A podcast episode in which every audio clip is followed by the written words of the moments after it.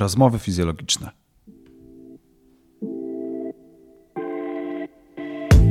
Zapraszam Cię do mojego autorskiego podcastu Rozmowy fizjologiczne. Wraz z moimi gośćmi poruszam w nim przede wszystkim tematykę fizjoterapii, ortopedii i inne ciekawe aspekty związane z szeroko pojętą medycyną. Ekspercka wiedza, przystępny sposób. Zapraszam, Piotr Piaskowski.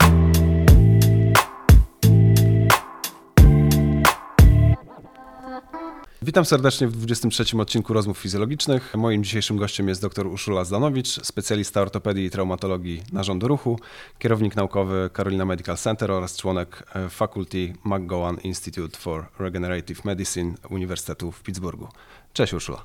Cześć, dziękuję bardzo za zaproszenie. Ja dziękuję za to, że przyjęłaś to zaproszenie, bo od dawna chciałem e, tą rozmowę odbyć. E, już długo, długo się zbierałem, żeby Cię zaprosić przed mikrofon o, i bardzo się cieszę, że, że się udało.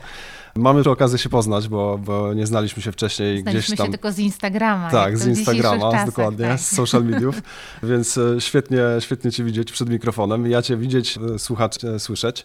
Dzisiaj porozmawiamy sobie o łąkotkach, bo Super. wydaje mi się mocno, że to jest Twój taki mega konik i w tym się bardzo, bardzo specjalizujesz. Przynajmniej Tak. z tego, co obserwuję Twoją pracę, to zdecydowanie Tak, absolutnie. Łąkotki są królem wszystkiego. to jest e, bardzo dla mnie też personalny temat, bo ja z łąkotką też jakiś tam problem mam, więc e, bardzo chętnie wypytam Cię o wszystko, co mogę.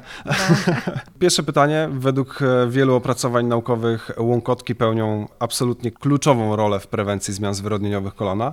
Śledzę dość e, regularnie Twoje social media i kanał YouTube i znalazłem taki Twój cytat z zeszłomiesięcznego zjazdu Polskiego Towarzystwa Medycyny Sportowej, gdzie powiedziałeś, że łąkotki są najważniejszym elementem stawu kolanowego i od nich zależy przyszłość kolana. Czy mogłabyś trochę rozwinąć ten temat? nie, nie wiedziałam, że tak ludzie śledzą to, co tam rzucą. E, No tak, no badania naukowe pokazują, że o przyszłości kolana, o tym, czy jest ryzyko przedwczesnych zmian zwyrodnieniowych, czyli przedwczesnej osteoartrozy, decyduje przede wszystkim status łąkotek, czyli w jakiej kondycji są łąkotki. A Więc jeżeli mamy dwóch pacjentów, którzy na przykład mają niewydolność więzadła krzyżowego przedniego, to ten z nich, który ma całe łąkotki, będzie się miewał lepiej. Więc można powiedzieć, że biorąc pod uwagę wpływ statusu łąkotek na przyszłość kolana, to są łąkotki, długo, długo nic, długo, długo nic, długo, długo nic i jeszcze długo, długo nic i dopiero potem się pojawiają wszystkie inne czynniki, jak niestabilności e, więzadłowe, złamania przezstawowe, zaburzenia osi kończyny i tak dalej, i tak. Więc te łąkotki są jakby kluczem do przyszłości stawu kolanowego. Jeżeli łąkotki są dobre, to kolano będzie się miewać dobrze. Śledząc e, no, oczywiście też badania naukowe i nie tylko badania naukowe, też social media, jest taki straszny boom na więzadło krzyżowe przednie, a mało osób rozmawia o tych łąkotkach i mało osób mówi o tych łąkotkach, ale dla mnie to też jest taki temat, gdzie to więzadło krzyżowe przednie jest tylko takim dodatkiem do tej łąkotki, która chroni ten staw kolanowy. Tak, tak, Aj. tak ja to widzę trochę. Wszyscy by się obrazili na ciebie. Znaczy, na pewno jest tak, że te dwie rzeczy bardzo mocno są ze sobą związane, gdyż uszkodzenie łąkotek jest najczęstszym urazem towarzyszącym uszkodzeniu więzadła krzyżowego przedniego. E, I również każdy miesiąc chodzenia z niewydolnym więzadłem krzyżowym przednim zwiększa ryzyko uszkodzenia łąkotek o 1 do 2%. Wydaje się, że to niedużo, ale jeżeli pomyślimy, że ktoś rok chodzi bez krzyżowego przedniego, to blisko 24% z tych pacjentów będzie miało wtórne uszkodzenia łąkotek, czyli w zasadzie co czwarty. To jest bardzo ciekawe. Stąd pewnie ten kierunek e, ortopedii e, najnowszy, może nie najnowszy, ale w ostatni taki trend save the meniscus, no bo kiedyś, kiedyś e, bardzo często usuwało się po prostu łąkotki, była No ona to- uszkodzona i nie naprawiało się za wiele tych łąkotek, od razu się je usuwało. Trochę się to teraz zmieniło chyba. E, No trochę się zmieniło, aczkolwiek to jest tak, że jeżeli przychodzi pacjent z objawami ze strony łąkotki i chirurg wytnie pacjentowi tą łąkotkę, to, to będzie najbardziej ukochany chirurg tego pacjenta, bo objawy miną jak za dotknięciem czarodziejskiej różdżki. Specjalnych em, oczekiwań w stosunku do tego pacjenta nie ma. E, w zasadzie nawet jak nie będzie miał rehabilitacji, to i tak pewno będzie dobrze. A to, że za 10-15 lat będzie miał zmiany zwyrodnieniowe, to przyjdzie do tego samego chirurga, ponieważ był dobry wynik leczenia. Z kolei, jeżeli chirurg podejmie próbę szycia łąkotki, to nieubłaganą statystyką jest to, że część z tych łąkotek nie wygoi się tak, jakbyśmy tego oczekiwali, albo częściowo, albo całkowicie się nie wygoi. Pacjent wymaga kolejnej operacji. Po pierwotnej operacji jest trudne postępowanie pooperacyjne, wymagające doświadczonego fizjoterapeuty, często zakazu obciążania, jakichś form unieruchomienia. No, to jest po prostu uciążliwe, a efekt końcowy nie zawsze zależy tylko od pacjenta i od tego chirurga. Zależy od biologii łąkotek, która no to nie jest najlepiej gojąca się tkanka w człowieku. W związku z czym, jak się próbuje szyć łąkotki, to trzeba być nastawionym na niepowodzenia, na pretensje ze strony pacjentów. No, no dużo problemów, ale, ale i tak jestem głęboko przekonana, że warto. O leczeniu zachowawczym i operacyjnym sobie jeszcze porozmawiamy. Na razie okay. jeszcze zostawię sobie ten temat prawie na sam koniec. Chciałem na początku porozmawiać jeszcze o takich podstawach, bo większość z nas, fizjoterapeutów i pacjentów, e, słuchaczy podejrzewam, uznaje łąkotki tylko za struktury amortyzujące w stawie kolanowym. Na ile to dobry tok myślenia i jakie dodatkowe role spełniają łąkotki? Tych ról można wymieniać bardzo dużo, ale ta rola amortyzująca, nie wiem, czy bym użyła tego razem w kombinacji z tylko rolą amortyzującą, bo to jest aż rola amortyzująca. Wyobraźmy sobie samochód, który ma zepsute amortyzatory. No da się jeździć takim samochodem, ale długo się nie pojeździ. Niedaleko. No właśnie i trochę tak samo jest z kolanem. Czasami pacjenci pytają mnie, no dobra, mam uszkodzenie łąkotki, okej, okay, wymagam operacji, no ale to mogę teraz pobiegać? To trochę takie samo pytanie, jak ja bym zadała mojemu mechanikowi od, e, od naprawiania auta. No, wie pan co, no ja wiem, rozumiem, no amortyzator jest zepsuty, ale mogę teraz pojechać do Włoch. Na offroad. E, tak, bo, bo to akurat właśnie teraz jadę na narty czy na coś tam, więc jakby ta rola amortyzująca, nawet gdyby tylko na tym się kończyło, to jest najważniejsza rola w ogóle, jaka jest w kolanie. Kolano jest bardzo złożonym stawem, to jest najmniej kongruentny staw, czyli ma najwięcej stopni swobody, jest najmniej do siebie dopasowane. I żeby to wszystko do siebie pasowało, żeby przy ruchach stawu, przy tych kilku stopniach swobody, które ma staw kolanowy, te łąkotki amortyzowały, to one muszą być w perfekcyjnym stanie. One, jeżeli chodzi o biomechanikę, tak jakby podążają za kłykciami kości udowej, czyli gdy kolano zginamy, to one no, w pewnym uproszczeniu można powiedzieć idą sobie do tyłu. Mhm. Więc nawet jeżeli jest pęknięcie łąkotki, a my je zeszyjemy tak, że ten ruch łąkotek wewnątrz stawu, zwłaszcza łąkotki bocznej, będzie zaburzony, to równie dobrze moglibyśmy nie szyć tej łąkotki, bo ona przestanie spełniać swoją funkcję. Jeżeli my ją za ścisło zeszyjemy, to ona albo się nie przesunie, więc nie będzie tam, gdzie powinna być, gdy amortyzuje, czyli najbardziej, gdy kolano jest lekko zgięte i pod obciążeniem coś robimy, gdy lądujemy, gdy niesiemy coś ciężkiego, gdy chodzimy po schodach, albo wskutek tego, że będzie próbowała się przesunąć za kłykciami kości udowej, ulegnie łatwo wtórnemu uszkodzeniu. I to też nie jest proste do stwierdzenia, bo łąkotka nie ma unerwienia bólowego, więc tylko jeżeli naokoło łąkotki pojawia się jakieś zapalenie błony maziowej, która ma unerwienie bólowe, to zaczyna boleć. Dlatego częsta jest taka sytuacja, że na przykład przychodzi pacjent do mnie, ma zrobioną diagnostykę, ja stwierdzam uszkodzenie łąkotki, takie uszkodzenie, które wymagałoby leczenia operacyjnego, przynajmniej próby naprawienia tej łąkotki. No, ludzie nie chcą się leczyć operacyjnie, więc krążą, krążą, chodzą do innych lekarzy, do, do, innych fiz tak fizjoterapeutów, aż usłyszą to, co chcą usłyszeć, no i prędzej czy później usłyszą. Ale prawda jest taka, że niezależnie od tego, co zrobią, czy oni wezmą sobie Olfen, czy ibuprofen, czy zrobią sobie magnetronik, czy mm, ultradźwięki, czy po prostu nie zrobią nic, obrzęk wokół łąkotki w pewnym momencie ustąpi i ból ustąpi. I taki pacjent może potem przez parę lat ładnych chodzić i mówić, a to Zdanowicz to chciał chciałam je zoperować, a tu proszę, no tak, to e, kompres z kapusty mi pomógł. A tu mamy sukces e, leczenia zachowawczego. Właśnie, nie? mamy sukces leczenia zachowawczego, e, tylko że po paru latach ten ból znowu się pojawi, ten ból zaczyna rosnąć, pacjent mówi, okej, okay, no dobrze, przyszedł na mnie czas, wraca do mnie mówi, to jestem gotowy na leczenie łąkotki. Tylko problem polega na tym, że to już nie tylko łąkotka jest chora, tylko niestety już się posypała chrząstka, już jest artroza, już w ogóle nie rozmawiamy o leczeniu łąkotki, bo już za dużo się wydarzyło w tym stawie, więc też trzeba dobrze zrozumieć, że nie tylko ból jest kryterium tego, czy łąkotka jest uszkodzona, czy nie i w jakiej ona jest kondycji. Ja tutaj mogę z własnego doświadczenia dodać, że jestem dokładnie takim pacjentem. Dokładnie. Który chodził i, i tak, szukał, aż tak. usłyszał to, co chciał usłyszeć. Ja, ja, no ja co prawda uszkodziłem no? gdzieś tam w 2014 i to uszkodziłem przeciążeniowo. Mhm. E, I tak naprawdę tam w cudzysłowie bujałem się trochę z tą łąkotką przez jakieś kilka miesięcy z dolegliwościami bólowymi i te dolegliwości bólowe przeszły, więc, więc generalnie łąkotka... chciała zobaczyć twój rezonans. Łąkotka została wyleczona. Ale oczywiście mamy rok 2022 i już w tym roku no, prawdopodobnie będę ją naprawiał. Tyle, co się da jeszcze ją naprawić. E, więc generalnie tak. Ja osobiście w, w pracy zawodowej e, bardzo mocno zmieniłem swój pogląd na, na leczenie łąkotek i leczenie zachowawcze i leczenie operacyjne. Zresztą więzadła krzyżowego też. Myślę, że to z doświadczeniem trochę przychodzi. E, nie tylko z doświadczeniem jako pacjent, ale z doświadczeniem jako fizjoterapeuta, gdzie i pewnie ortopeda, gdzie ci pacjenci po prostu wracają później z, większymi problemami, albo uszkodzenie chrząstki albo gdzieś tam. To dobrze jest mieć follow-up, dobrze jest zobaczyć swojego pacjenta, tak, któremu prawda. coś się zarekomendowało po paru latach e, i, i zobaczyć, e, czym to się skończyło. No ale też temu służą trochę badania naukowe. Tak? Nie, nie mamy szans zobaczyć takiej ilości pacjentów i takiego mieć długiego follow-upu, żeby wszystkie wnioski wyciągać tylko na podstawie własnych doświadczeń.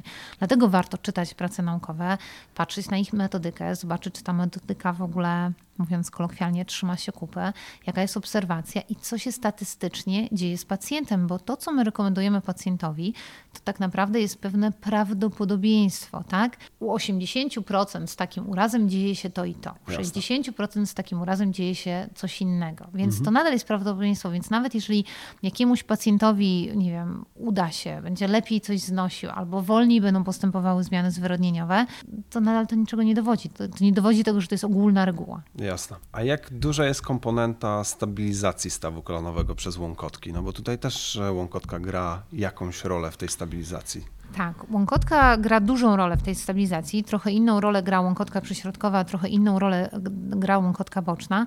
A o tym się można przekonać i najłatwiej to jest zmierzyć u pacjentów, którzy mają niewydolność więzadła krzyżowego przedniego, bo wtedy trochę te łąkotki zaczynają przejmować tą funkcję stabilizacyjną. E, zwłaszcza tutaj mówimy o ruchach rotacyjnych i wtedy pewne rzeczy łatwiej jest widać. Więc te łąkotki, tak, to prawda, nie są tylko amortyzatorami, one są odpowiedzialne za rozprowadzanie płynu stawowego. Płyn stawowy jest czymś w rodzaju takiego smaru w tym łożysku, które pracuje, ale też częściowo stabilizują kolano. Z tego wynikają wtórne uszkodzenia łąkotek, więc jeżeli ktoś ma niestabilne więzadło krzyżowe przednie, ma na przykład niewydolność więzadłową i kolano ucieka, tak, to wtedy jakby nie ma już tego więzadła, które chroni to kolano, więc ta cała energia e, tego uciekania idzie na te łąkotki, a te łąkotki nie są do tego przygotowane i ulegają wtórnemu uszkodzeniu. To jest jeden z mechanizmów uszkodzenia się łąkotek przy niestabilnym kolanie.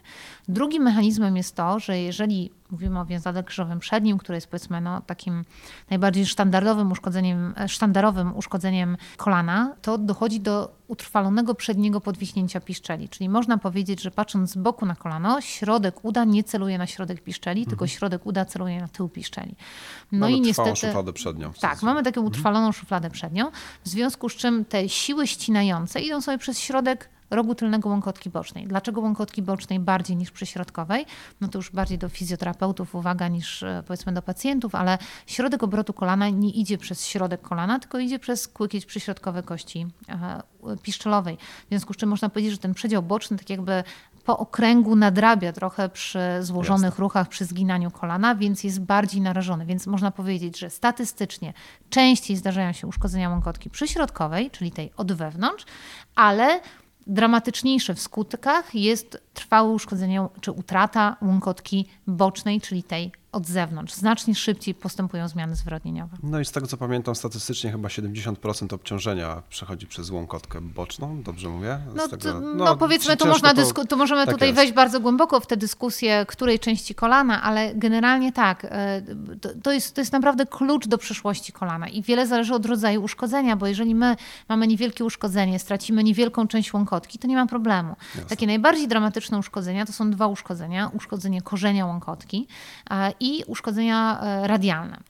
Oba te uszkodzenia powodują, że łąkotka ma tak zwaną ekstruzję, czyli wysuwa się poza szparę stawu. Czyli to jest trochę taka sytuacja, jak ktoś na przykład nie wiem, ma, ma dzieci, czyta bajki albo pamięta bajki z dzieciństwa, e, była zła czarownica i ona kazała tam pięknej królewnie e, przyjść w butach, ale boso i przyjść ubraną, ale nie ubraną. I ona przyszła w butach bez podeszw i przyszła ubrana w siatkę rybacką. Więc jakby spełniła te założenia. Natomiast tutaj jest tak, że my patrzymy na rezonansie. No, łąkotka niby jest, nawet wygląda całkiem dobrze, ma dobry sygnał w rezonansie, ale ona jest poza szparą stawu, czyli mhm. przestanie amortyzować w stawie. I to są najbardziej dramatyczne uszkodzenia. I znowu nasze możliwości, pewno do tego dojdziemy w czasie tej rozmowy, ale nasze możliwości naprawy e, maleją, powiedziałabym nawet nie wykład, no po prostu maleją, na, spadają na łeb na szyję. Im dłużej pacjent z tym chodzi, tym mniejsze ma chirurg szanse, żeby tą łąkotkę włożyć na miejsce. A co powinniśmy wiedzieć, oceniając jako medycy, jako osoby zajmujące się stawami kolanowymi od strony medycznej, oceniając dane uszkodzenie łąkotki i możliwości jego leczenia? Na co ty zwracasz szczególną uwagę w diagnostyce i doborze konkretnej metody działania? Myślę, że bardzo powszechnie wykonywane badanie obrazowe kolana, czyli USG kolana, to jest naj, największe nieszczęście, jakie może pacjentowi się przytrafić. E, po pierwsze, nie jest to moja opinia, tylko opinia międzynarodowych towarzystw naukowych, między innymi Europejskie Towarzystwo Radiologii Mięśniowo-Szkieletowej co roku publikuje pewne rekomendacje, przy jakich podejrzeniach, jakie badania są wskazane i rekomendacje są bardzo jasne. USG do diagnostyki uszkodzeń łąkotek nie jest wskazane. Jest najmniej wskazane, tam jest skala od 0 do, do 9 i ma poziom 0. E, badaniem dedykowanym do oceny stawu kolanowego jest rezonans magnetyczny. I nie chodzi o to, bo czasami się pojawiają dyskusje, że o, tu jest świetny ultrasonografista, on po prostu czary mary. Fala ultrasonograficzna nie przechodzi przez kość, więc nie jest w stanie zajrzeć wystarczająco głęboko do kolana. W związku z czym w opisie badania USG powinno się pojawić sformułowanie widoczna w USG część łąkotki jest taka bądź śmaka, a nie, że łąkotka jest uszkodzona bądź prawidłowa. I teraz, jeżeli jedyne badanie kolana to jest właśnie to badanie USG i ono wychodzi prawidłowe, to, to usypia naszą, naszą czujność, to usypia czujność pacjentów. Im się wydaje, że to jest w takim razie co innego, są wysyłani na rehabilitację, różne rzeczy i czas leci. Czas, kiedy to uszkodzenie jest, e, wydłuża się im dłużej człowiek chodzi z uszkodzoną łąkotką, tym mniejsza jest szansa, że nawet jeżeli chirurgowi uda się ją zeszyć, to, że to się skończy powodzeniem tego leczenia. Czyli po pierwsze to jest rezonans magnetyczny, ale też zdjęcia rentgenowskie, dlatego że zdjęcia rentgenowskie pozwalają na ocenę stawu pod obciążeniem. Są oczywiście w tej chwili też dostępne rezonansy e, z obciążeniem, fantastycznie, ale one nie są niestety dostępne e, szeroko tak i jest, tak jako pierwsze nie, nie badanie. Dostępne. Więc mhm. raczej rezonans w większości przypadków pacjentów będzie rezonansem należąco. Natomiast zdjęcie rentgenowskie pokazuje nam oś kończyny. I ta oś kończyny jest niezwykle kluczowa. Osoby z idealnie prostymi nogami będą znacznie lepiej znosiły niewydolność więzadłową, uszkodzenia łąkotek, bo obciążenia się rozkładają symetrycznie. Natomiast osoby, które nawet mają taką naturalną, na przykład niewielką szpotawość, większość mężczyzn ma niewielkie nawiasy, mówiąc w cudzysłowie, mhm. ma niewielką szpotawość kończyn dolnych i samo z siebie nie jest to wskazaniem do robienia czegokolwiek. Tak po prostu naturalnie mają. Nawet udowodniono, że chrząstka w przedziale przyśrodkowym jest grubsza u nich, ponieważ cały czas obciążenia no tak, w okresie rozwoju idą. Wszystko jest zaadaptowane. Tak jest. Natomiast jeżeli do tego pojawi pojawi się uszkodzenie łąkotki przyśrodkowej, a ono, przypominam, jest statystycznie najczęstsze, no to już ta oś kończyny jest bardzo niekorzystna, bo oś mechanicznego obciążenia idzie przez ten przedział przyśrodkowy. Więc powiedziałabym, że ja zawsze robię te dwa badania, zarówno zdjęcia rentgenowskie w obciążeniu na stojąco, jak i rezonans magnetyczny. I teraz szczerze, niewiele jest uszkodzeń łąkotek, które nie wymagają leczenia operacyjnego. Oczywiście, jeżeli mamy rezonans robiony z jakiegoś innego powodu, łąkotka nie daje żadnych objawów klinicznych, widzimy niewielkie zmiany w tej łąkotce, to nie trzeba od razu pacjenta kwalifikować do operacji, ale Statystyka jest taka i naturalny przebieg tej choroby jest taki, że uszkodzenia e, takie zwyrodnieniowe postępują w czasie. Więc ja wtedy mówię pacjentowi, no jak nie będzie żadnych objawów, zróbmy, spotkajmy się za rok z kontrolnym rezonansem, trzymajmy rękę na pulsie, patrzmy, jak ta łąkotka się zmienia, bo pewno się będzie zmieniała negatywnie.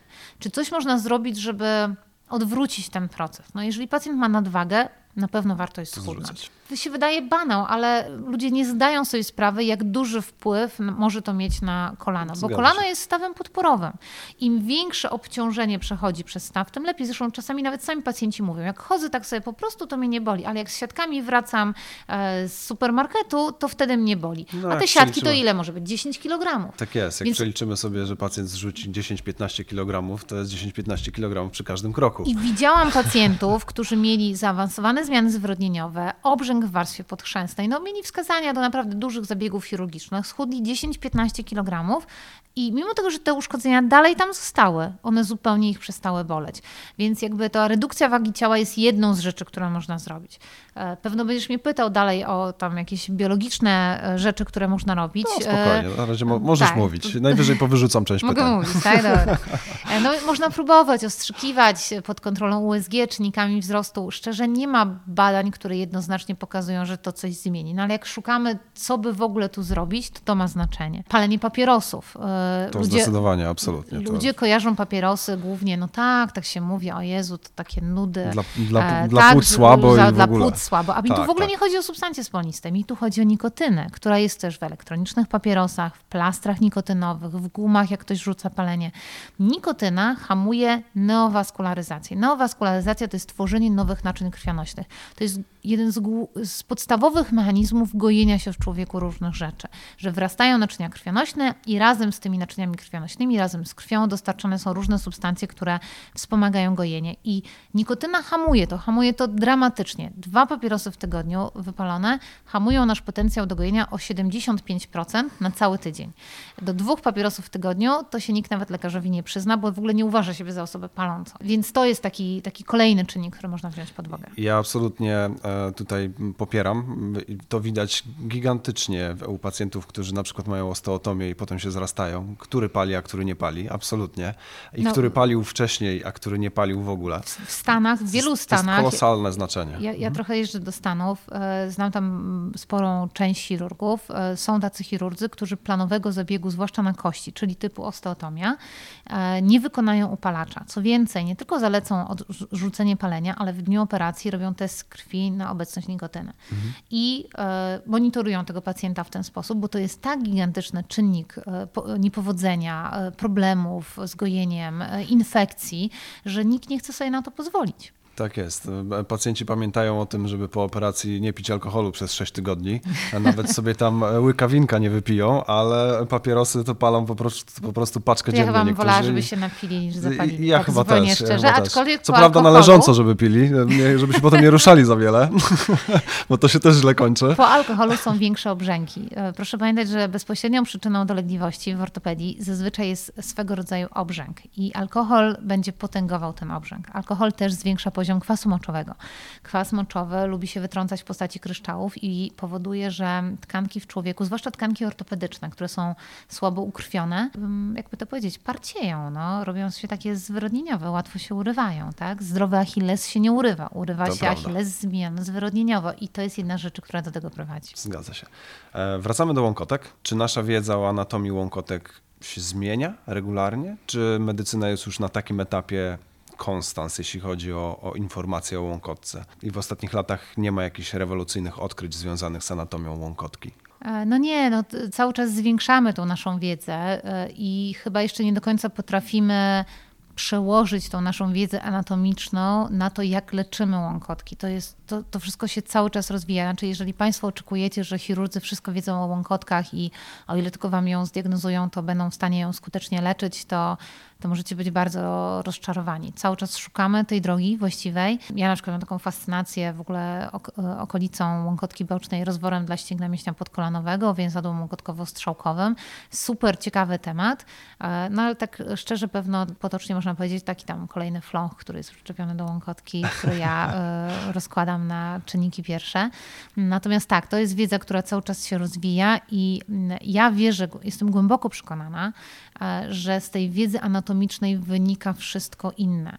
To znaczy, implanty się zmieniają, poglądy się zmieniają, natomiast im więcej wiemy o anatomii, im więcej wiemy o biomechanice, i to dotyczy zarówno środowiska ortopedów, jak i środowiska fizjoterapeutów, tym lepiej i bardziej świadomie możemy leczyć tych pacjentów. Tym ja będę lepiej szyć te łąkotki, bo będę odtwarzać naturalne więzadła, które tę łąkotkę trzymają, a odtworzenie tych więzadeł jest kluczowe dla odtworzenia tej biomechaniki, bo łąkotka rusza się w stawie, więc nie możemy zaburzyć tego ruchu, bo ona przestanie spełniać swoją funkcję. I to samo dotyczy fizjoterapeutów, czyli oni muszą wiedzieć, jaki ruch kolana powoduje jaki ruch łąkotki, żeby na przykład jak dostaną ode mnie zalecenia, ok, szyłam róg tylny łąkotki bocznej i jakie to daje ograniczenia w naszym procesie rehabilitacji, więc e, ja na przykład moich pacjentów po szyciu łąkotki daję naprawdę do e, bardzo wąskiego grona, bardzo wyselekcjonowanych, super doświadczonych fizjoterapeutów, który, którzy wiem, że rozumieją anatomię i biomechanikę. To jest mhm. kluczem do wszystkiego.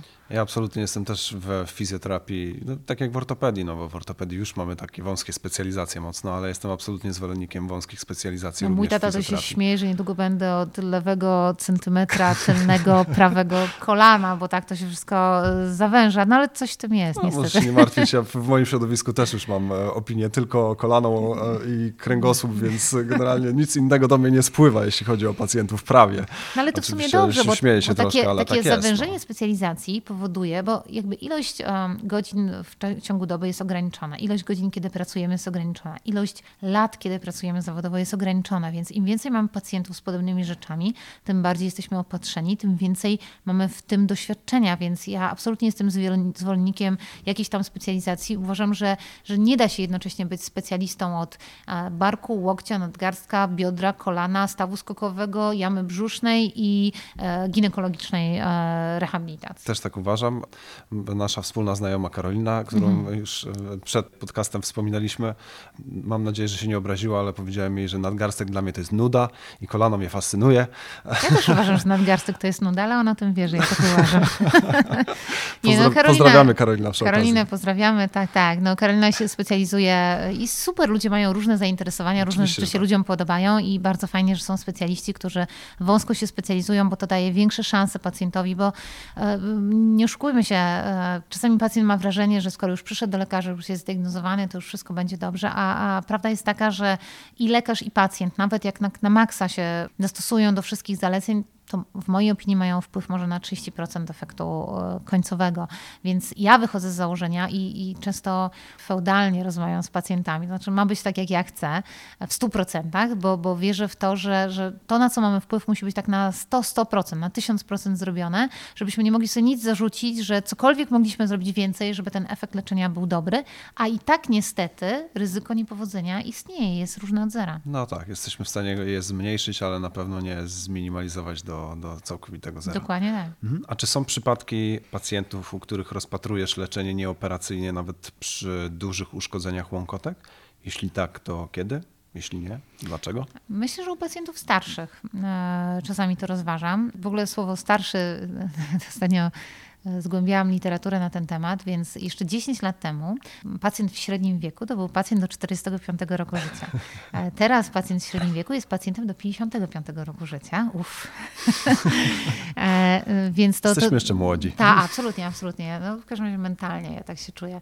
E, natomiast tak, to, to się zmienia, podejście do średniego wieku. Natomiast jeżeli przychodzi pacjent, który ma lat na przykład 65, generalnie w dosyć dobrym stanie kolano, ale ma rozległe uszkodzenia łąkotki, to niekoniecznie to jest pacjent, który od razu musi wymagać leczenia operacyjnego. I chyba bym, nawet jeżeli bym zakwalifikowała tego pacjenta do leczenia operacyjnego, to bym bardzo ostrożnie podchodziła do szycia łąkotki, dlatego że no, potencjał do gojenia po 55 roku życia mm, bardzo spada. Często ci pacjenci mają jakieś współistniejące choroby, choroby barku, nie są w stanie chodzić o kulach, mogą nie podołać wymyślonemu przez nas postępowaniu pooperacyjnemu, zwyczajnie. Jednocześnie my te łąkotki ratujemy po to, żeby na przestrzeni kolejnych 10-15 lat nie mieć zaawansowanych zmian zwrodnieniowych. Jak ktoś ma 65-70 lat, to za kolejnych 10-15 lat będzie miał 75-80 lat, a w związku z czym być może nie ma to aż tak dużego e, znaczenia. No tak, jeśli to nie będzie e, ewenement, który będzie jeszcze jeździł na nartach i skakał, biegał, to, to pewnie będzie to standardowy pacjent, który no. już nie będzie się tyle ruszał, co normalnie. Tak, więc jakby też, też oczekiwania nasze co do naszej sprawności no, zmieniają się z wiekiem, nie ma w ogóle co ukrywać. Oczywiście pacjenci bardzo nie lubią, jak się powie, no e, okej, okay, boli panią przy bieganiu, to proszę nie biegać, ale też ja jestem daleka od mówienia czegoś takiego, tylko no, staram się przedstawić pewne rzeczy.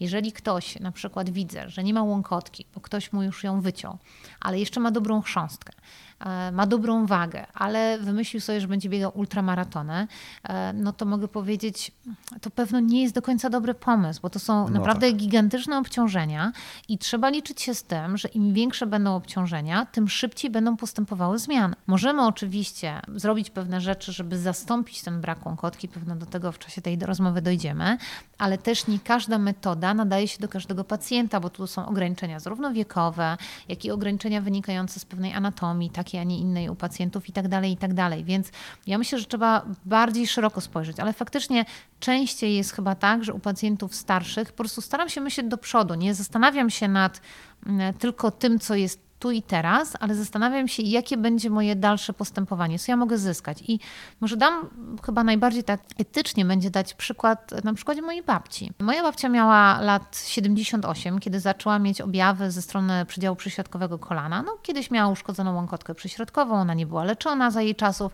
pojawiły się uszkodzenia chrzęstne, miała wtórną e, szpotawość, wtórną deformację szpotawą kolana, więc w zasadzie miała perfekcyjne wskazania do osteotomii, ale miała lat 78.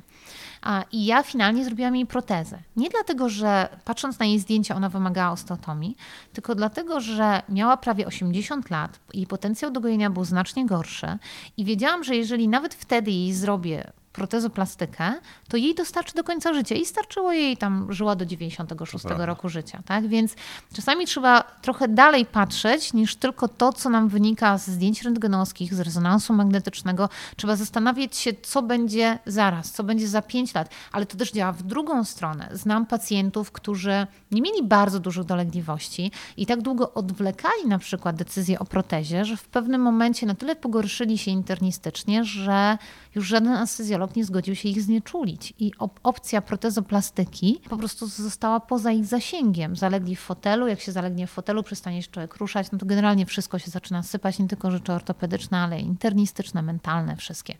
Więc e, zachęcam do tego, żeby myśleć bardziej do przodu. Jakby, czy to, co robimy, ma nam starczyć na 5 lat, co zrobimy za 10 lat, co zrobimy za 15 lat. Bo to czasami takie myślenie potrafi wiele zmienić. Zgadzam się absolutnie i e, myślę, myślę, że tutaj takie krótkoterminowe myślenie u pacjentów starszych, no to prowadzi bardzo często do bardzo, bardzo dużych problemów. No bo faktycznie po 5-10 latach, jak oni już chcą się zdecydować na, na te zabiegi, no to jest po prostu jest za późno, tak? To już, Czasami może być wszystkie za późno. inne choroby tak. towarzyszące tak. wykluczają zabieg operacyjny, no, ale... albo przynajmniej go, bardzo go utrudniają i, i później i ta rehabilitacja i powrót do sprawności jest dużo, dużo dłuższy i dużo, dużo trudniejszy. Tak, ale to wynika trochę z tego, zrobię taką dygresję do tych protezoplastek, bo one są bardzo demonizowane Pacjenci myślą, póki jeszcze się nie czołgam, to nie będę tego robić. Kiedyś słyszałem, e, że to porażka medycyny.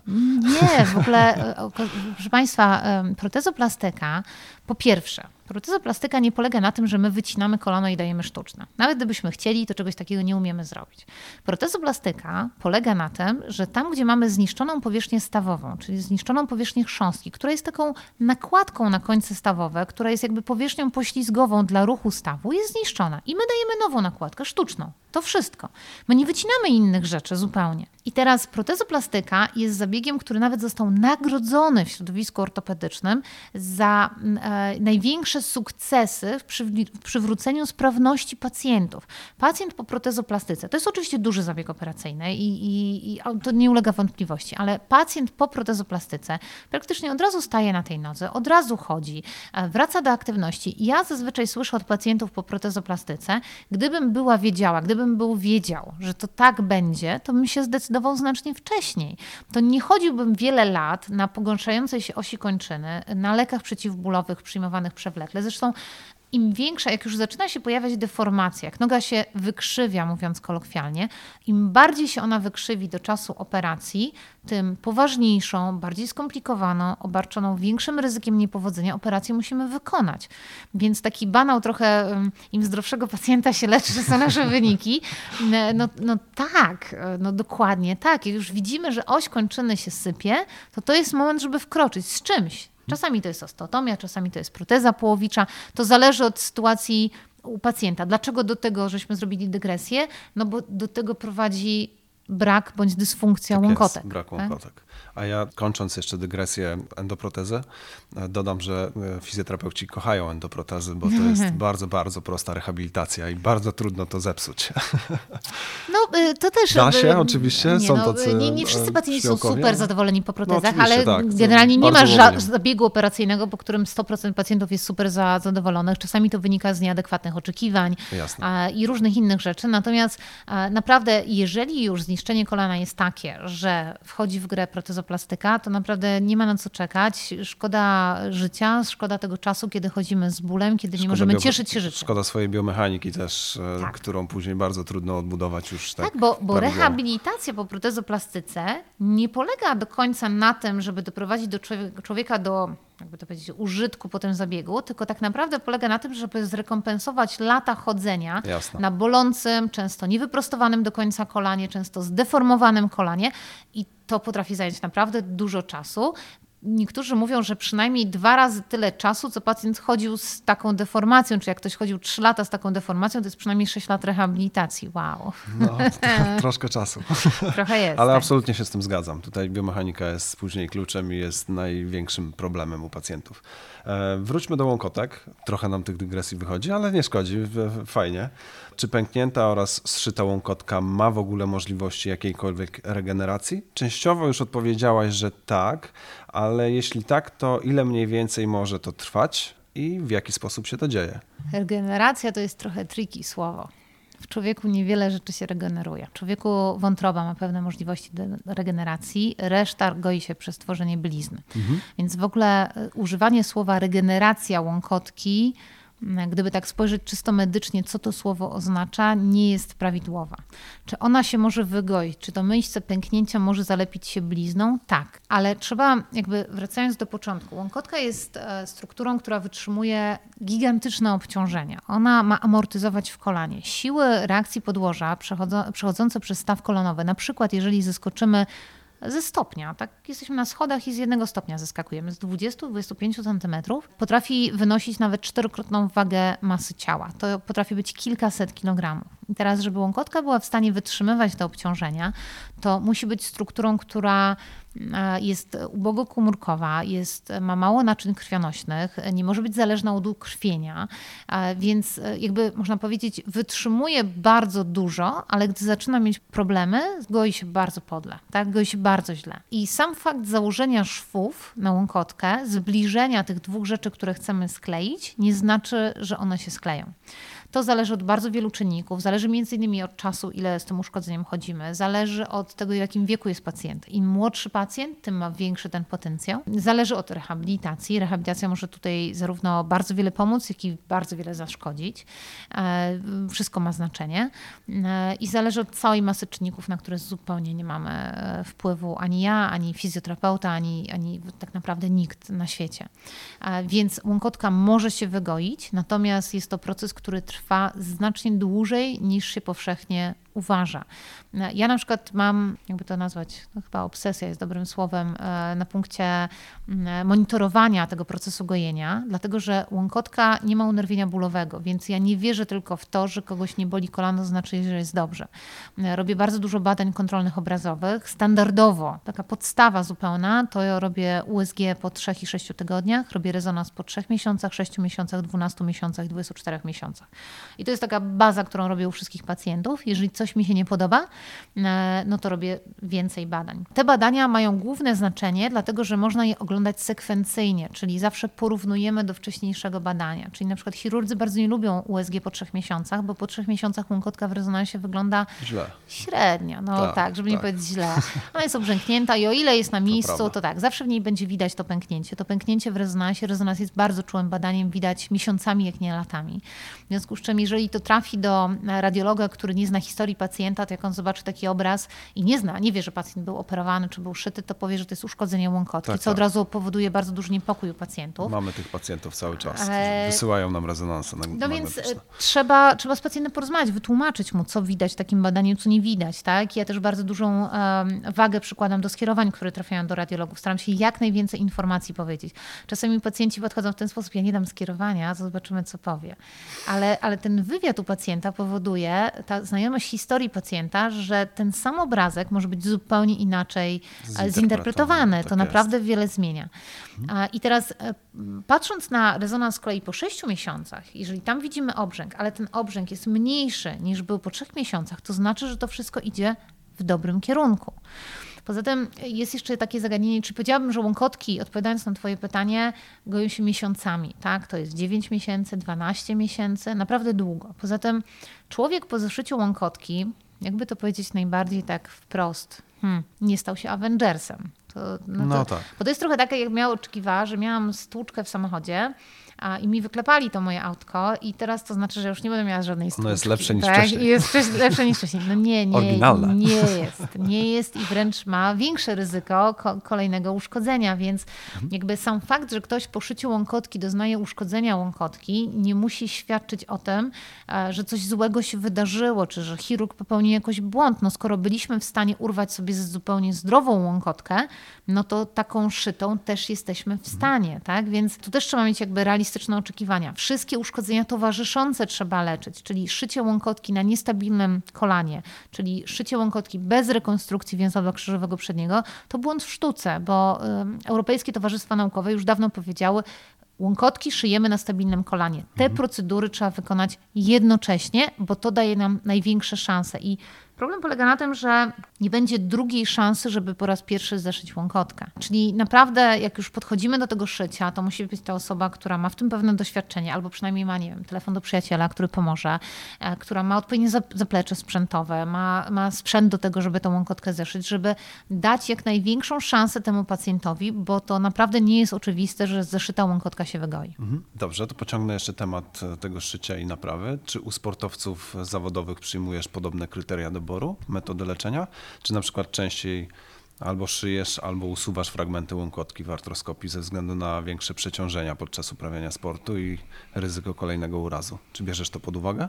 Wiesz co, szczerze ja się staram nie brać pod uwagę, ale też e, część sportowców ode mnie odchodzi, bo ja im mówię jak jest. Sportowcy chcą usłyszeć, że będzie szybko, przewidywalnie i że szybko wrócą do sportu. I chyba większym problemem niż to, że mają duże obciążenia jest ryzyko większe powtórnego uszkodzenia jest presja e, czasu powrotu czasu do sportu. treningu treningu. Mhm. I zdarzały mi się sytuacje takie, gdzie przyszedł e, zawodowy sportowiec i uparcie podpisywał zgodę na to, że nie wolno mi szyć łąkotki, że mam ją wyciąć, bo on za dwa tygodnie ma wrócić do treningu. Ja zawsze staram się długo rozmawiać, no ale on mówi, ja rozumiem wszystko, co pani mówi, ale ja teraz mam szansę, nie wiem, na transfer, bo to na przykład jest piłkarz i to, że będę miał w wieku lat 40 artrozę, jeżeli mi się ten transfer uda, to trochę jakby mi wisi. Zrekompensuje, Zrekompensuje mi to, tak? Endoproteza będzie tańsza. Więc e, takie, takie problemy też się, też się zdarzają no, e, Ciężko jest to oceniać, dlatego że jeżeli całe nasze życie zawodowe i wszystko, co robimy w zasadzie od wczesnego dzieciństwa, e, determinowane jest do tego, że na tych Igrzyskach Olimpijskich mamy wystartować, mamy zdobyć medal i wszystko jest temu poświęcone, naprawdę wszystko. Ja dużo pracowałam ze sportowcami, byłam w Komisji Medycznej Polskiego Komitetu Olimpijskiego, pracowałam z piłkarzami, z olimpijczykami, byłam na Igrzyskach Olimpijskich. Naprawdę ci ludzie poświęcają wszystko. Życie zawodowe, życie prywatne, edukację swoją, wszystko jest podporządkowane tym treningom. I jeżeli tak banalna rzecz, jak jakiś tam kawałek chrząstki, która jest łąkotką, miałby przekreślić to, że ktoś wystartuje w Igrzyskach Olimpijskich, które są raz na 4 lata, co przy niektórych dyscyplinach sportowych sprawia, że mamy tylko dwie takie szanse w życiu, a czasami jedną taką szansę w życiu, mm, no to ci ludzie są w stanie poświęcić naprawdę bardzo wiele, żeby, żeby jednak tam wystartować.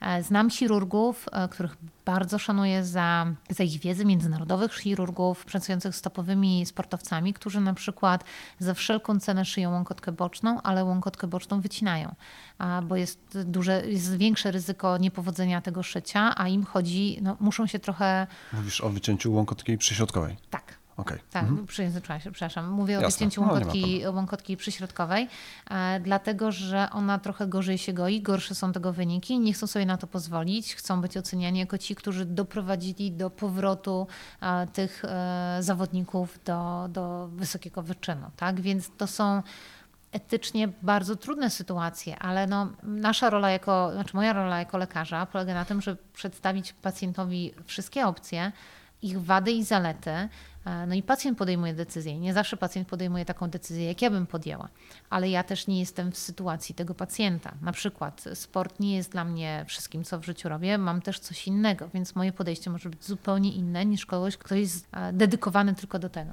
No, my z własnego podwórka jako fizjoterapeuci też to widzimy i widzimy pacjentów, którzy e, są operowani z, z przeświadczeniem lekarza, że na przykład leczenie po więzadle krzyżowym przednim będzie trwało 9 miesięcy, a już po zabiegu dowiadujemy się, że mamy 5 miesięcy na to, żeby pacjent wrócił na matę, na boisko czy gdziekolwiek i on faktycznie zrobi wszystko, żeby tylko wrócić. Nawet jeśli to miał być jeden start i miałoby się to wszystko zepsuć, to oni i tak muszą i chcą wystartować. I niestety niektórych pacjentów nie da się przekonać. No tutaj no, no to jest branie, branie tego na własną odpowiedzialność. Statystyka tak? niestety jest taka, że takie zbyt wczesne powroty, czy po szyciu łąkotki, czy po rekonstrukcji więzadła krzyżowego przedniego statystycznie bardzo często kończą się naprawdę dużymi problemami i wtórne uszkodzenie łąkotki czy wtórne zerwanie więzadła krzyżowego przedniego to jest duży problem kliniczny, znacznie poważniejsze operacje i potrafią niestety ci ludzie już być wykluczeni na bardzo długo albo na zawsze po czymś takim. Mhm. Teraz troszeczkę chciałbym porozmawiać o fizjoterapii. Może zahaczmy o nią e, bardziej. Czy wybór danej metody szycia znacząco wpływa na szybsze lub wolniejsze wprowadzenie kolejnych etapów rehabilitacji? Czy tu raczej decydują inne czynniki? Jeśli tak, to jakie? Ja mam ten komfort, że szyję tym, czym chcę. W związku z czym nie szyję inaczej, jak ktoś ma wolniej wrócić, a inaczej, jak ktoś ma szybciej wrócić, tylko staram się tak dobierać e, metodę szycia, żeby to dane uszkodzenie przy tym stanie łąkotki było jak najbardziej efektywne. Nie ma perfekcyjnego sposobu szycia, nie ma perfekcyjnego implantu do szycia. Część z tych implantów ma nitki niewchłanialne, część ma wchłanialne, szczerze żadna nie jest perfekcyjna. Mhm. Wchłanialne zbyt szybko się rozpuszczają, niewchłanialne zbyt przesztywniają cały ten układ, a tak jak żeśmy rozmawiali wcześniej, łąkotka dosyć mocno no tak, rusza się po stawie, mhm. więc ja zazwyczaj kombinuję tymi dwoma technikami, więc chyba bym nie powiedziała, że sposób szycia wpływa na fizjoterapię. Powiedziałabym, że rodzaj uszkodzenia, wiek pacjenta, rozległość uszkodzenia i zmiany, które są w łąkotce, determinują tą fizjoterapię, bo chyba bym powiedziała, że naprawdę ciężko jest zupełnie zdrową łąkotkę urwać. To musi być naprawdę duży, wysokoenergetyczny uraz. Łąkotki bardzo często zaczynają nam chorować zupełnie podstępnie, zmieniają się zwyrodnieniowo, to nas w ogóle nie boli, e, dlatego że jak my szyjemy te łąkotki, to widzimy, że no one po prostu są, one są takie, jakby użyć takiego słowa kolokwialnego, sparciałe. One są zmienione, to, to trwało latami, zanim ona pękła. Zresztą e, wywiad wielu pacjentów wcale nie jest urazowy. Pacjenci mówią, schyliłem się po klucze, wysiadałem z samochodu, samochodu, przykręciłem się na nodze, poślizgnąłem się na schodach e, i wtedy coś się wydarzyło. Przecież to niemożliwe, żeby mi pękła łąkotka. No, no nie, no właśnie to jest możliwe. Często łąkotki pękają w takim mechanizmie, że kolano jest zgięte, zwłaszcza głębokie kąty zgięcia to powodują i jakiś ro, rodzaj ruchu rotacyjnego. E, na przykład e, teraz mam taką falę pacjentów w ogóle, którzy uprawiają jogę. Yoga Wydawałoby się, ta tak, yoga tak, w ogóle jest taka zupełnie lajtowa, ale nie, bo to w jodze są pewne pozycje w głębokim takim zgięciu, gdzie się siedzi na, e, w klęku, gdzie się głęboko zgina kolano i jeżeli ktoś ma zmianę zwrotnieniową w łąkotce, to ona niestety bardzo łatwo może, może pęknąć. To jest w ogóle oddzielne zagadnienie, żeby porozmawiać, jak tych pacjentów kierować, którzy lubią jogę i w ogóle yoga jest w ogóle bardzo fajna, tylko że przy pewnych uszkodzeniach, przy pewnej historii ortopedycznej, pewne pozycje po prostu nie powinny być wykonywane. Okej, okay, a obciążenie łąkotki po zabiegach naprawczych, e, kiedy można, kiedy nie można, kiedy trzeba. Chodzi ci o świeże zalecenia pooperacyjne? Tak, mamy zszytą łąkotkę. E, Znowu, trochę zależy od rodzaju uszkodzenia. Jeżeli na przykład mam e, e, uszkodzenie przytorebkowe, czyli takie wzdłuż tej łąkotki, to bardzo często daję ortezę wyprostną i pozwalam na częściowe obciążenie, bo to częściowe obciążenie będzie tak jakby dociskało tą łąkotkę, jakby scalało razem to miejsce uszkodzenia. Ale na przykład, jeżeli mam uszkodzenie radialne, które szyję, co jest, to jest chyba najtrudniejszy rodzaj uszkodzenia, najbardziej podlegujący się, no to nie chcę mieć osiowego obciążania, bo to będzie właśnie rozsuwało mi moje pęknięcie, więc wiele zależy od morfologii, kształtu tego rodzaju uszkodzenia do moich zaleceń. Więc ogólnie zazwyczaj daje jakiś rodzaj unieruchomienia, czy on jest w zgięciu, czy wyproście, zależy od tego, która łąkotka jak uszkodzona i od jakości tej łąkotki, bo jak ja zeszyję łąkotkę, to mogę sobie patrzeć kamerą artroskopową, poruszać kolanem i zobaczyć, co się dzieje ze szparą tego uszkodzenia, czy on się rozchodzi, czy ona się właśnie kompresuje, jaki jest efekt tego ruchu. Zazwyczaj jest jakiś rodzaj zakazu obciążania, aczkolwiek częściowe przynajmniej obciążanie jest dobre dla gojenia, bo w ogóle przenoszenie obciążeń jest dobre dla gojenia. Można sobie wyobrazić, że że My dajemy sygnał naturze, czego potrzebujemy w danym miejscu. I nawet e, opublikowałam z zespołem taką pracę e, w zeszłym roku dotyczącą przebudowy więzadła krzyżowego przedniego. Czytałem, czytałem. Tak? O, Oczywiście. Dziękuję. I okazało się, ja byłam zaskoczona tymi wynikami, że one były tak znamienne statystycznie, że ci pacjenci, którzy od razu obciążali, w każdym punkcie czasowym obserwacja wynosiła blisko dwa lata, mieli lepsze wyniki niż ci, którzy nie obciążali. Czyli ten sygnał dawany organizmowi jest bardzo ważny. Z drugiej strony, jak e, to obciążanie jest za duże, to my zniszczymy to, co szyliśmy. No i tu jest w ogóle cała, cały subiektywizm rehabilitacji, żeby dawać pewne obciążenia, ale żeby one nie były za duże i nie rozciągnęły nam tego, co robimy. Więc ja, ja w ogóle uważam, że jeżeli ktoś ośmiela się kogoś operować i nie wie, do jakiego fizjoterapeuty ten pacjent trafi, to to jest po prostu rosyjska ruletka, co się wydarzy. Naprawdę, to ja, ja to omawiam z pacjentem, nawet jak pacjent jest spoza Warszawy, bo ja pracuję w Warszawie, to, to wyznaczam fizjoterapeutę u nas, staram się nawiązać kontakt z fizjoterapeutą w miejscu zamieszkania. Naprawdę dużo mnie to kosztuje czasu y, prywatnego, daję mój numer telefonu, wszystko, bo tak wiele zależy od rehabilitacji, że, że nie wiem, czy wielu pacjentów sobie w ogóle z tego zdaje sprawę. Ja myślę, że przez taką lekką niewiedzę też e, przekornie my fizjoterapeuci jesteśmy bardzo zachowawczy i nie obciążamy w ogóle tych łąkotek. E, częściowo pewnie przez brak współpracy z lekarzem, przynajmniej hmm. część fizjoterapeutów. E, ja trochę przekornie zadałem to pytanie wcześniejsze, mm. bo bardzo często, bardzo często dostajemy na wypisach tylko informację, że było szycie łąkotki przyśrodkowej na przykład, ale nie mamy gdzie było szyte, co było szyte, jak było szyte.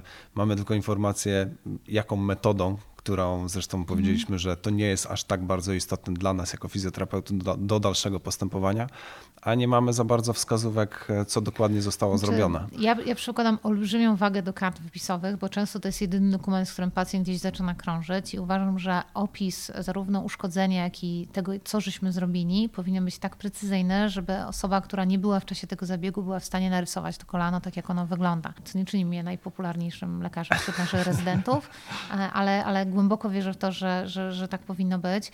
Bardzo wierzę we współpracę pomiędzy fizjoterapeutami i lekarzami E, ortopedami. Mm, myślę, że czasami to jest trochę takie, taka rywalizacja, mm, kto jest ważniejszy. Natomiast no, to jest współpraca, jakby ortopedzi mają swój zakres kompetencji, fizjoterapeuci mają swój zakres kompetencji. Ja muszę rozumieć, e, czym się zajmują fizjoterapeuci. Fizjoterapeuci muszą rozumieć mój zabieg. Ja bardzo często, jak współpracuję z jakimiś fizjoterapeutami, którzy nie pracują ze mną na co dzień tutaj u mnie, to wysyłam im zdjęcia śródoperacyjne. Naprawdę uważam, że to jest niezwykle ważne, żeby oni wiedzieli, Z czym mają e, do czynienia.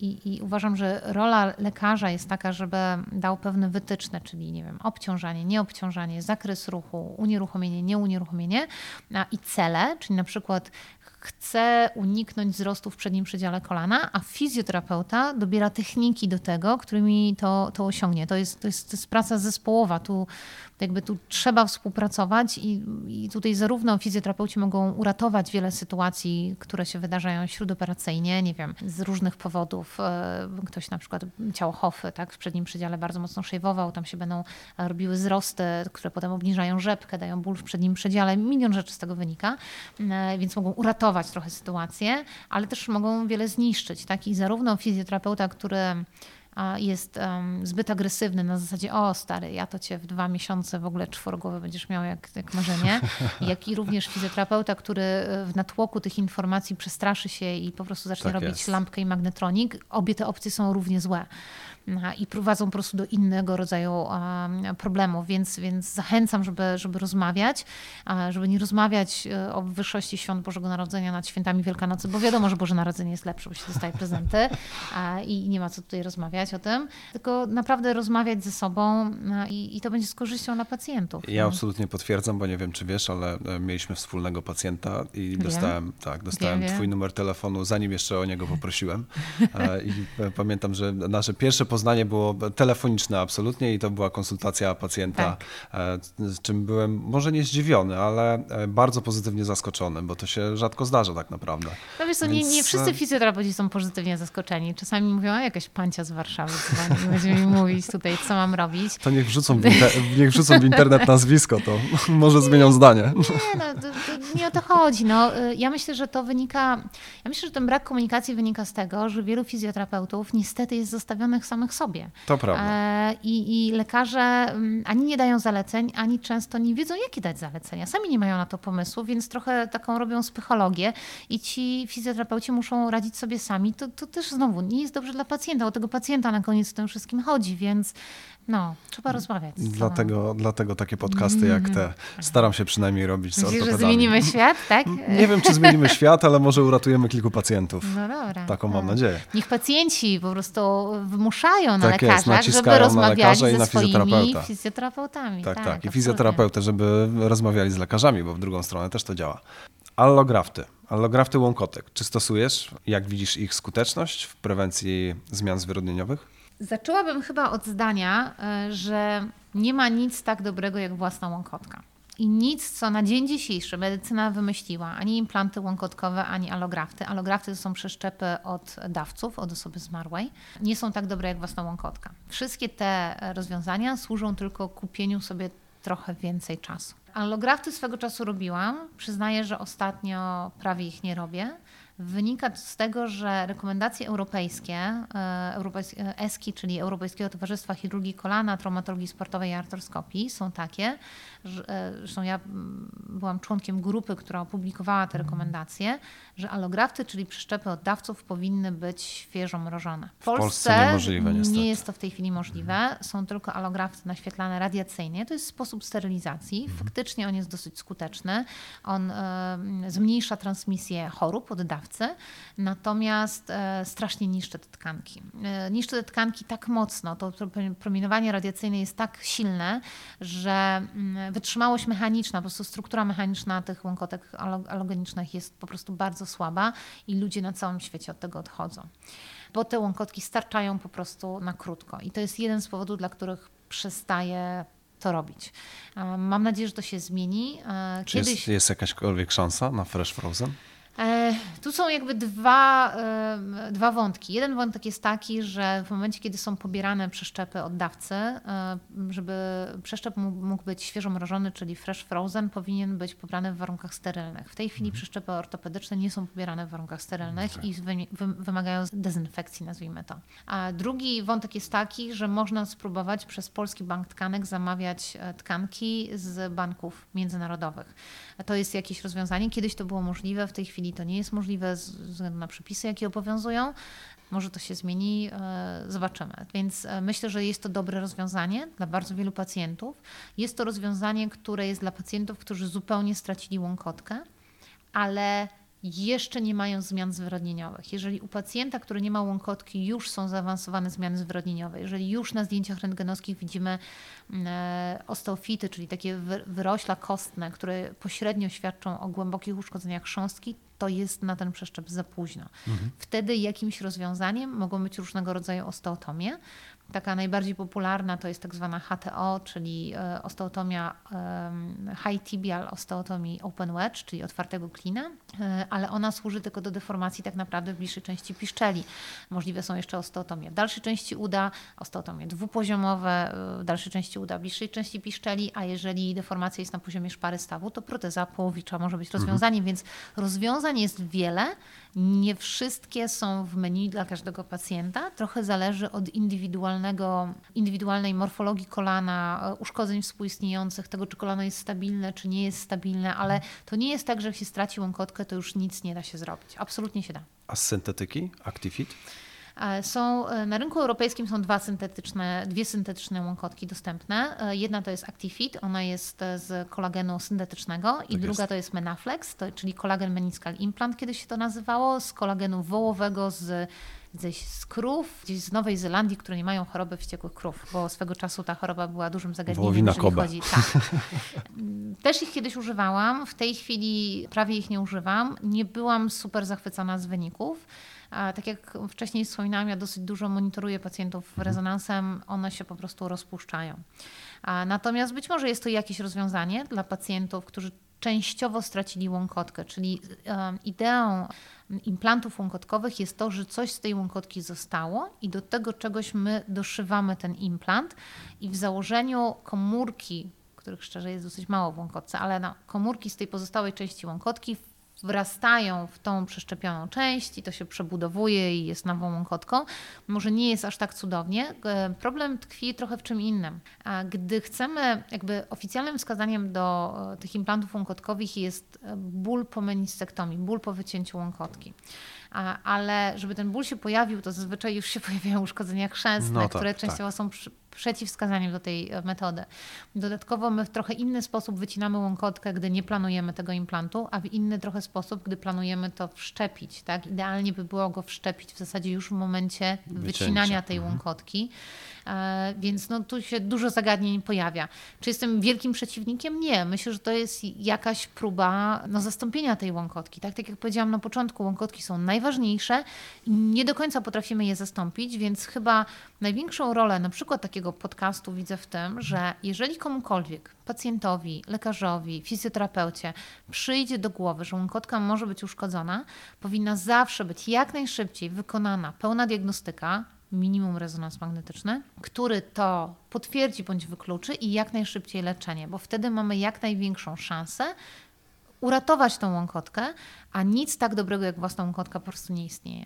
Ja mam dosyć niezłe doświadczenia z, z implantami, ale no ja nie jestem w stanie monitorować tego diagnostycznie obrazowo, tak? Więc No to, ja, że- mogę, ja mogę tylko e, monitorować dolegliwości bólowe pacjenta i jego No tak, sprawność. ale jeżeli tutaj... ja częściowo wyśl- wytnę łąkotkę pacjentowi, to on też będzie bez bólu. No tak, to I na tym cały, jakby, Dokładnie. cała rzecz polega, więc tutaj no, też trochę trzeba Jasne. e, patrzeć na to, że jeżeli ja, zwłaszcza częściowo, tak, no bo Mhm. i- tym większe zniszczenia się będą działy w kolanie, im większą część łąkotki wytniemy. Jeżeli Mhm. część tylko łąkotki wytniemy, to znakomita większość tych pacjentów przez kolejne 15-20 lat będzie, Będzie się czuła bardzo bardzo, dobrze dobrze, więc tak. jeżeli ja na przykład rozmawiam z chirurgami, mówię, no dobra, o, tu masz jakąś, widzę, nową metodę szycia, tak? Pokaż mi rezonans.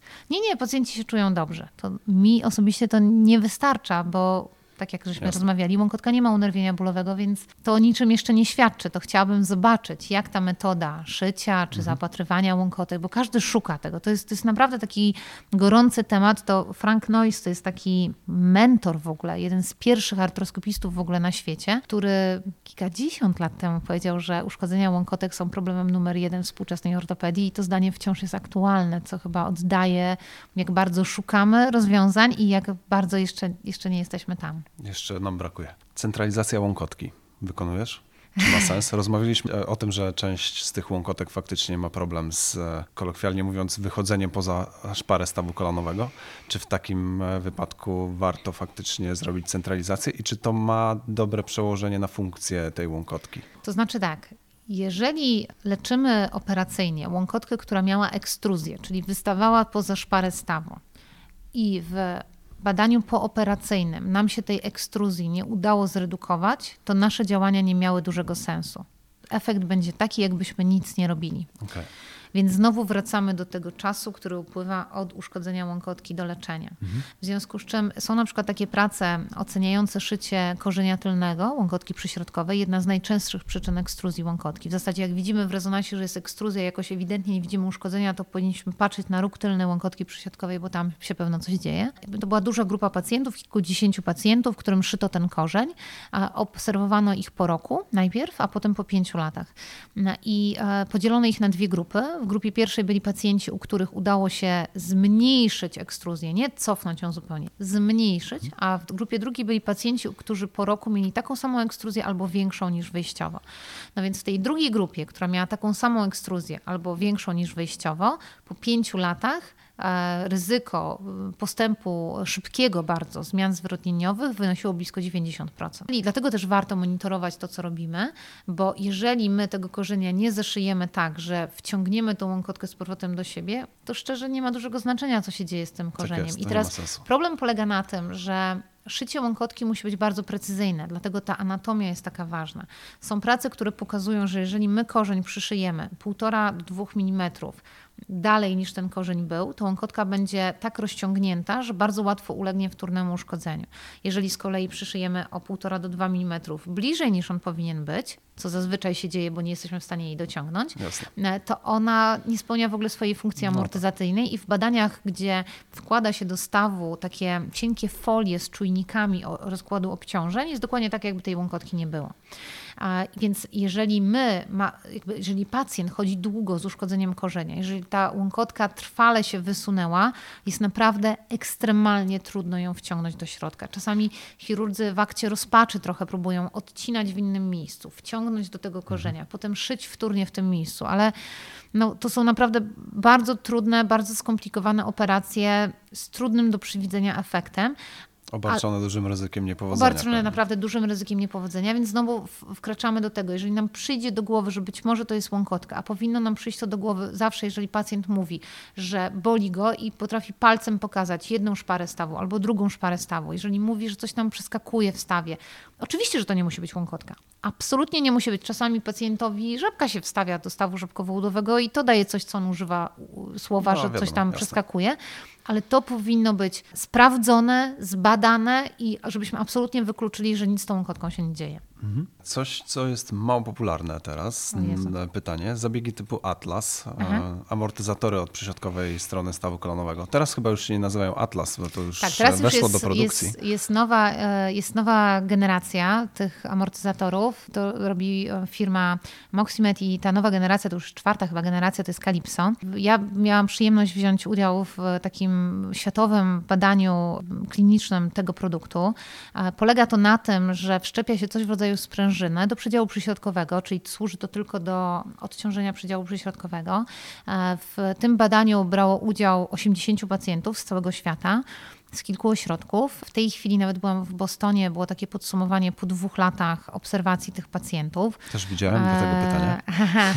E, no, fajne są te wyniki, naprawdę są fajne, bo jest to bardzo prosty zabieg. E, wkręcamy po trzy śrubki do trzy śrubki w piszczel. Pozastawowy zresztą. Pozastawowy i on w sposób mechaniczny odciąża. Widziałam pacjentów, e, ci pacjenci, ponieważ byli w ramach badania klinicznego i chodziło o to, żeby zobaczyć tylko wpływ tego amortyzatora, więc oni nie mogli mieć artroskopii, nie mogliśmy nic leczyć w tych stawach i obrzęki podchrzęsne, które były przed operacją, znikały. Co więcej, to jest ciekawe, e, u trzech pacjentów usuwałam ten implant z różnych bardzo powodów. E, czasami dlatego, że przeszkadzał. No wiadomo, no, ludziom nawet płaska płytka na kości potrafi przeszkadzać, no, cóż dopiero tak, tak. takie coś. I ci ludzie, pomimo tego, że teraz już są rok po usunięciu, wciąż nie wróciły im objawy.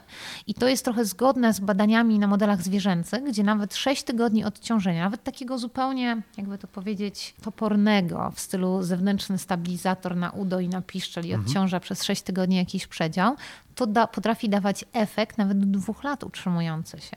Więc ja uważam, że to jest świetna rzecz.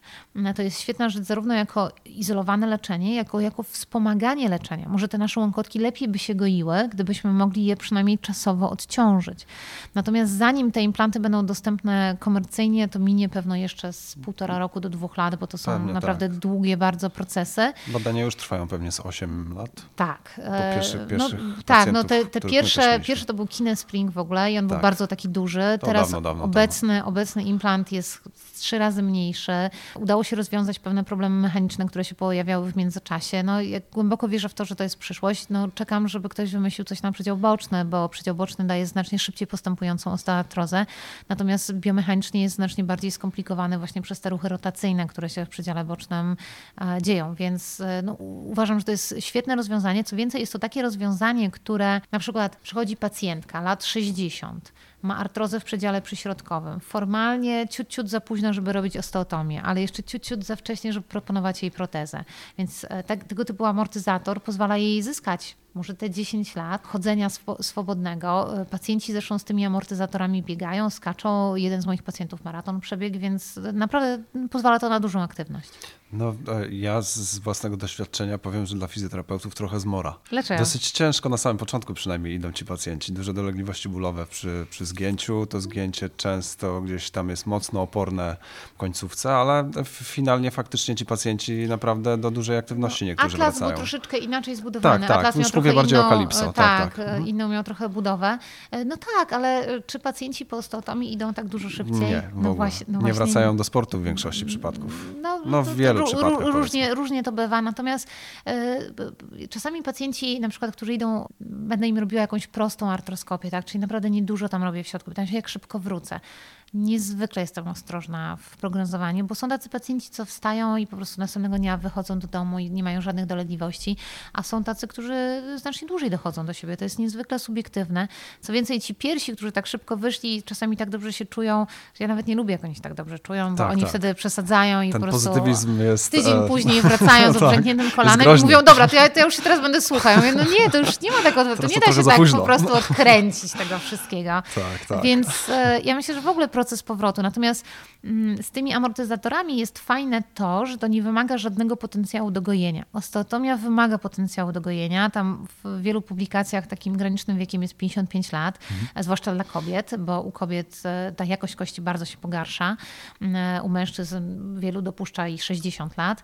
E, natomiast tutaj wkładamy trzy śrubki, zawsze możemy je wykręcić, Jasne. nic się nie musi goić, od razu można na tym stawać, więc jest to mało wymagające postoper, znaczy pooperacyjnie e, zabieg. Z tego co pamiętam, to chyba ograniczeniem jest e, szpotawość do 8-10%. E, tak, no do 10 stopni. 10 no, ale, stopni, przepraszam. No tak, ale no to generalnie Jasne. takiemu no, pacjentowi to... byśmy już, to już jest pacjent, który Oczywiście. ma dużą deformację, tak? Więc 10 tak stopni deformacji to już pewno byśmy proponowali osteotomię. Połączę dwa przedostatnie pytania w jedno. Mhm. Ortobiologia mhm. i suplementy diety. Mhm. Wiem, że ciężko to połączyć razem, ale może od, spróbujmy.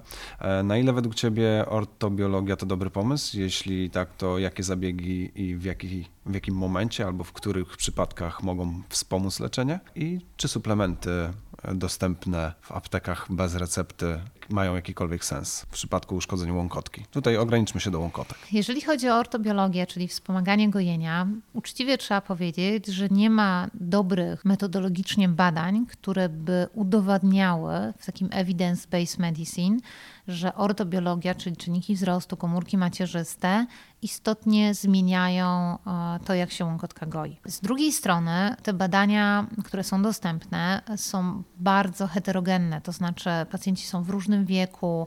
E, wiadomo jest, że u, dwóch pacjentów nawet w podobnym wieku ilość czynników wzrostu może być zupełnie różna. Trochę jakbyśmy mieli wielki gar z zupą i nabieramy chochelką i nam się kartfelków Coś złapie. No, raz nam się mhm. trafi, raz nam się nie trafi. Trochę zależy też od szczęścia, od wieku pacjenta, od, od jego kondycji biologicznej.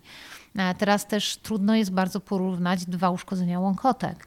Ja, ja dużo naprawdę e, czasu poświęcam e, mentalnie łąkotkom i, i ciężko by było mi wymyśleć metodykę, która by w sposób miarodajny porównywała dwa uszkodzenia. Więc w ogóle to są badania trudne do przeprowadzenia, tak żeby dowody były przekonujące. Natomiast ja wychodzę z założenia takiego, jeżeli wiadomo, że łąkotka jest ubogo komórkową strukturą, która ma słabe ukrwienie i która goi się słabo i jeżeli wiadomo, że z różnych badań na innych częściach ciała jakikolwiek sposób mówiąc w cudzysłowie i kolokwialnie, rozkrwawienia, mhm. stymuluje stan zapalny. Stan zapalny jest pierwszą taką fazą gojenia, wrastania się naczyń krwionośnych. Mhm. Tak, to, y, no to uważam, że trzeba spróbować. Tak? Trzeba oddzielić chęć wykazania czegoś naukowego od tego, że jeżeli to potencjalnie może pomóc, a na pewno nie szkodzi, bo akurat na to są badania, że podawanie mhm. czynników wzrostu nie szkodzi, no to uważam, że trzeba z tego spróbować. Nie mam za bardzo innego pomysłu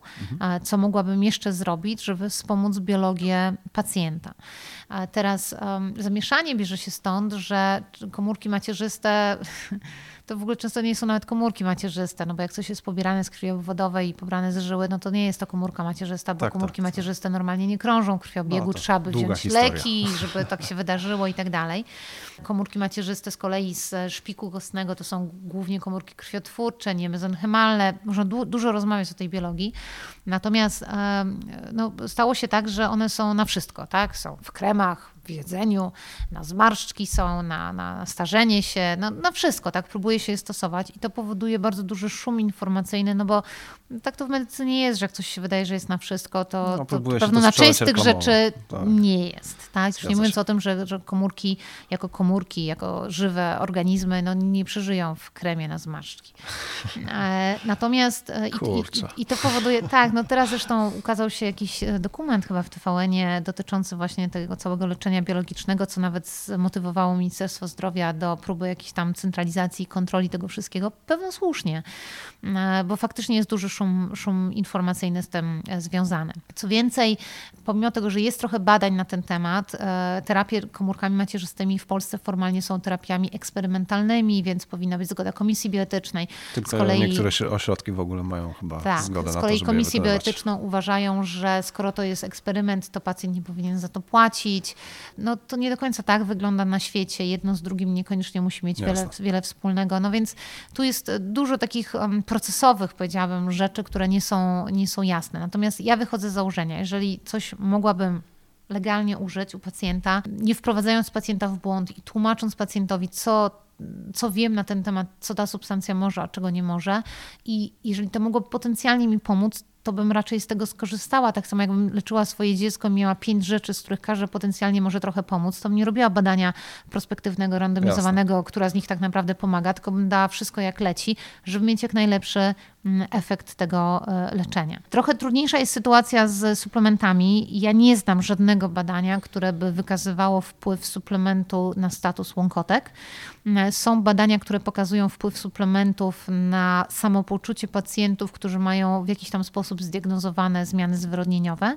Nieprawidłowo używane są w reklamach sformułowania w stylu odrasta chrząstka albo regeneruje się chrząstka, już takie, że on tam wjeżdża, lokalizuje, to już w ogóle. Ja w ogóle się trochę temu dziwię, bo reklamy piwa zawierają słowo najprawdopodobniej najlepsze piwo według 10 osób, a tutaj w ogóle w tych suplementach to taka jest jazda bez trzymanki, tak? Wszystko można powiedzieć, a, a, a to, to dopiero wprowadza w błąd tak myślę, naprawdę myślę, pacjentów. że tam lobby, lobby dosyć dobrze działa, żeby, żeby No bo to są zmieniać. olbrzymie pieniądze, tak, bo jeżeli bo w Polsce przepisy inwestuje. są takie, że jeżeli coś jest zarejestrowane jako lek, to nie może być reklamowane. To prawda. A więc wiele rzeczy jest rejestrowanych jako suplement diety, co też jest trochę szalone, bo na przykład różne kwasy hialuronowe, kolana, które są we wstrzyknięciu dostawu są jako suplement diety. Jakiej diety, ja się pytam? No tak. Jaka dieta polega na tym, że coś z zastrzyku się dostawu podaje? No ale niech będzie. No, na siłowni koledzy pewnie by powiedzieli, że są takie diety. O, no to na siłowni koledzy to różne rzeczy robią, o, o czym się nie śniło endokrynologom, ale w każdym bądź razie e, no, e, rzeczy z kolei, które są zarejestrowane jako suplementy diety można reklamować, ale też niewiele osób wie, że te rzeczy nie, nie są poddawane żadnej kontroli farmaceutycznej, więc tak naprawdę to jest w większości przypadków dobrowolna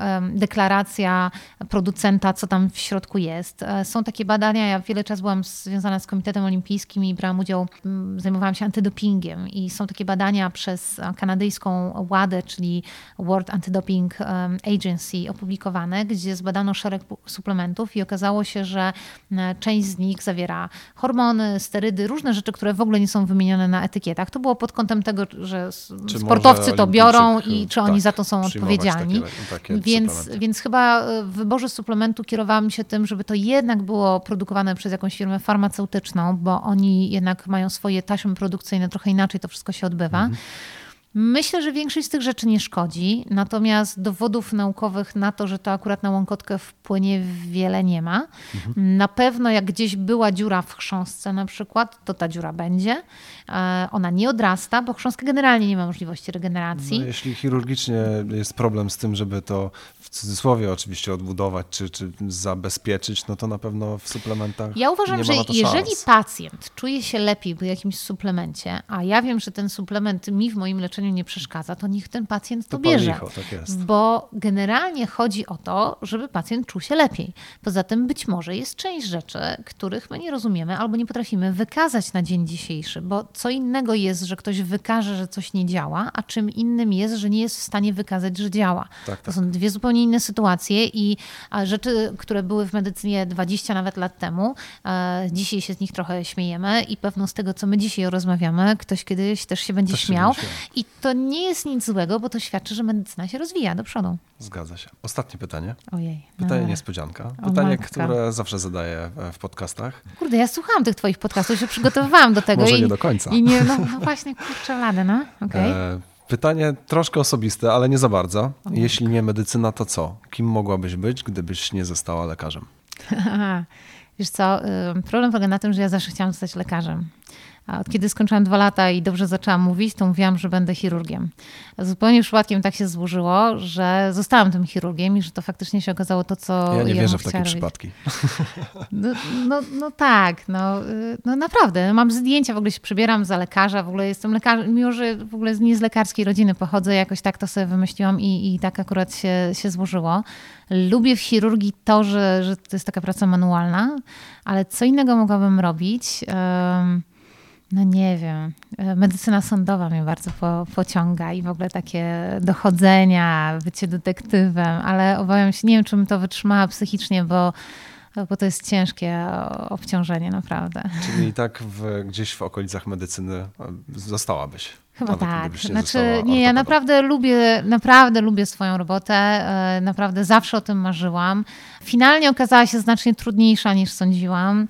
E, Mi się wydawało, że w ogóle tak będzie wszystko lewą ręką za plecami i w ogóle nieustające pasmo sukcesów. E, Natomiast no tak nie jest. Mm, Mój syn ostatnio właśnie kładł się spać i ja siedziałam nad książkami, sobie się przygotowywałam do jakiejś operacji. On mówi, co ty robisz? Ja mówię, no uczę się, no jeszcze muszę się pouczyć, bo jutro mam ciężki zabieg. Mówi, tyle masz lat i jeszcze się uczysz? Do bani z tą, z tą medycyną. No ale no tak, trochę jest. No. Ja myślę, że to i tak jest e, w twoim przypadku nieustające pasmo sukcesów. E, Na sam koniec To na chciał- Insta patrzysz po prostu. No Nie, no to, to wiadomo, że to jest kłamstwo.